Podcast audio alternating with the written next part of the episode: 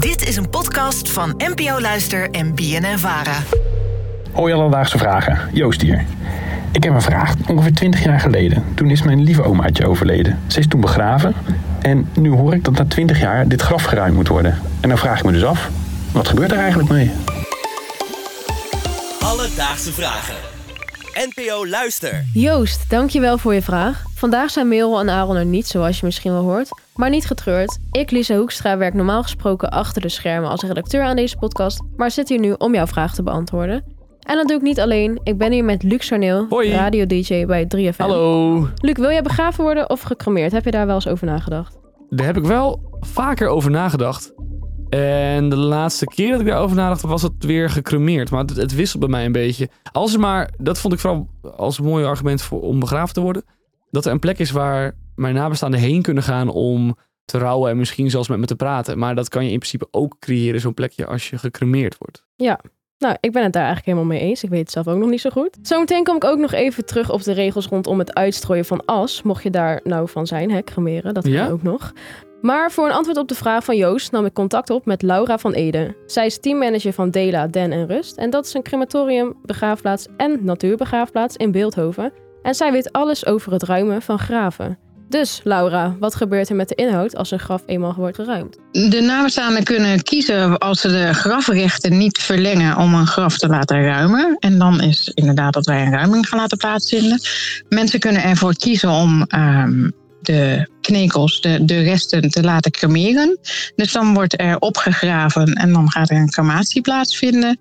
En de andere mogelijkheid is dat het herbegraven wordt of bij ons op de begraafplaats op een andere plek of eventueel op een andere begraafplaats elders in Nederland. Je kan de resten dus cremeren of laten herbegraven, maar er is ook nog een derde optie. Als je als nabestaande nog een plekje in het graf erbij wil, terwijl het graf eigenlijk al vol zit, kan je er dus voor kiezen om knekels dieper te laten begraven, zodat er bovenop weer een plekje vrij is. Dat is mooi. Dus je kan altijd wel eigenlijk bij je familie begraven worden. Ook al denk je in eerste instantie het graf is vol, tussen aanhalingstekens. Dan bouwen ze er gewoon een kelder Ja. in en dan eh, gaat iedereen een verdieping omlaag.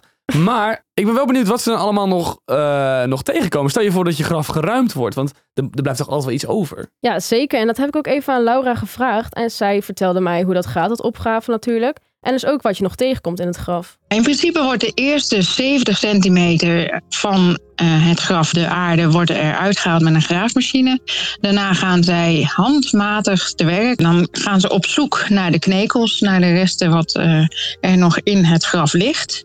En alles wat zij tegenkomen leggen zij dan op de rand van het graf. En dat zijn uiteraard zijn botten, maar dat kan eventueel ook nog iets van kleding zijn wat er is. Of een prothese die die overledene had, een knieprothese of een heupprothese.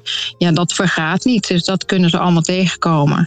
Dat wordt dan allemaal bij elkaar verzameld op de rand van het graf. En dat gaat daarna in een jutezak die dichtgebonden wordt. En dan wordt het elders op de begraafplaats in een verzamelgraf geplaatst. Oké, oh. Maar en eh, dat komt dus wel eens voor, een heupprothese, knie, ja, een neppe knie, knieprothese. Dat knieprothese. vergaat natuurlijk niet. Nee, dat, dat, dat, dat vergaat niet. En dat wordt dan vervolgens opgegraven, a- apart gelegd. Zo, doop, dat, drup, drup. En dan? Is het dan? Wordt het dan weer naar de winkel gebracht? Wordt het naar de fabrikant gebracht? Nee, je zou zeggen, misschien kan het hergebruikt worden. Ja, milieuvriendelijk. Ja, maar dat kan niet. Oh. Want alles wat in het graf wordt gevonden, hoort echt bij die persoon. Dus ze zeggen echt, alles wat we hier vinden, hoort bij deze persoon en gaat dus mee naar het verzamelgraf. En dat kan dus een prothese zijn, maar ook sieraden wat iemand nog om had. Of een lijstje wat jij als misschien familielid in de kist hebt gelegd. Oh. Dat hoort allemaal bij die persoon en dat gaat allemaal in de jutezak. Alledaagse vragen. We kregen ook nog een vraag binnen van Barbara over het uitstrooien van as en waarom dit niet overal toegestaan is. Dat heb ik ook even aan Laura gevraagd. En zij vertelde mij dat je in principe overal as mag uitstrooien, zolang je maar toestemming hebt van de eigenaar van de grond.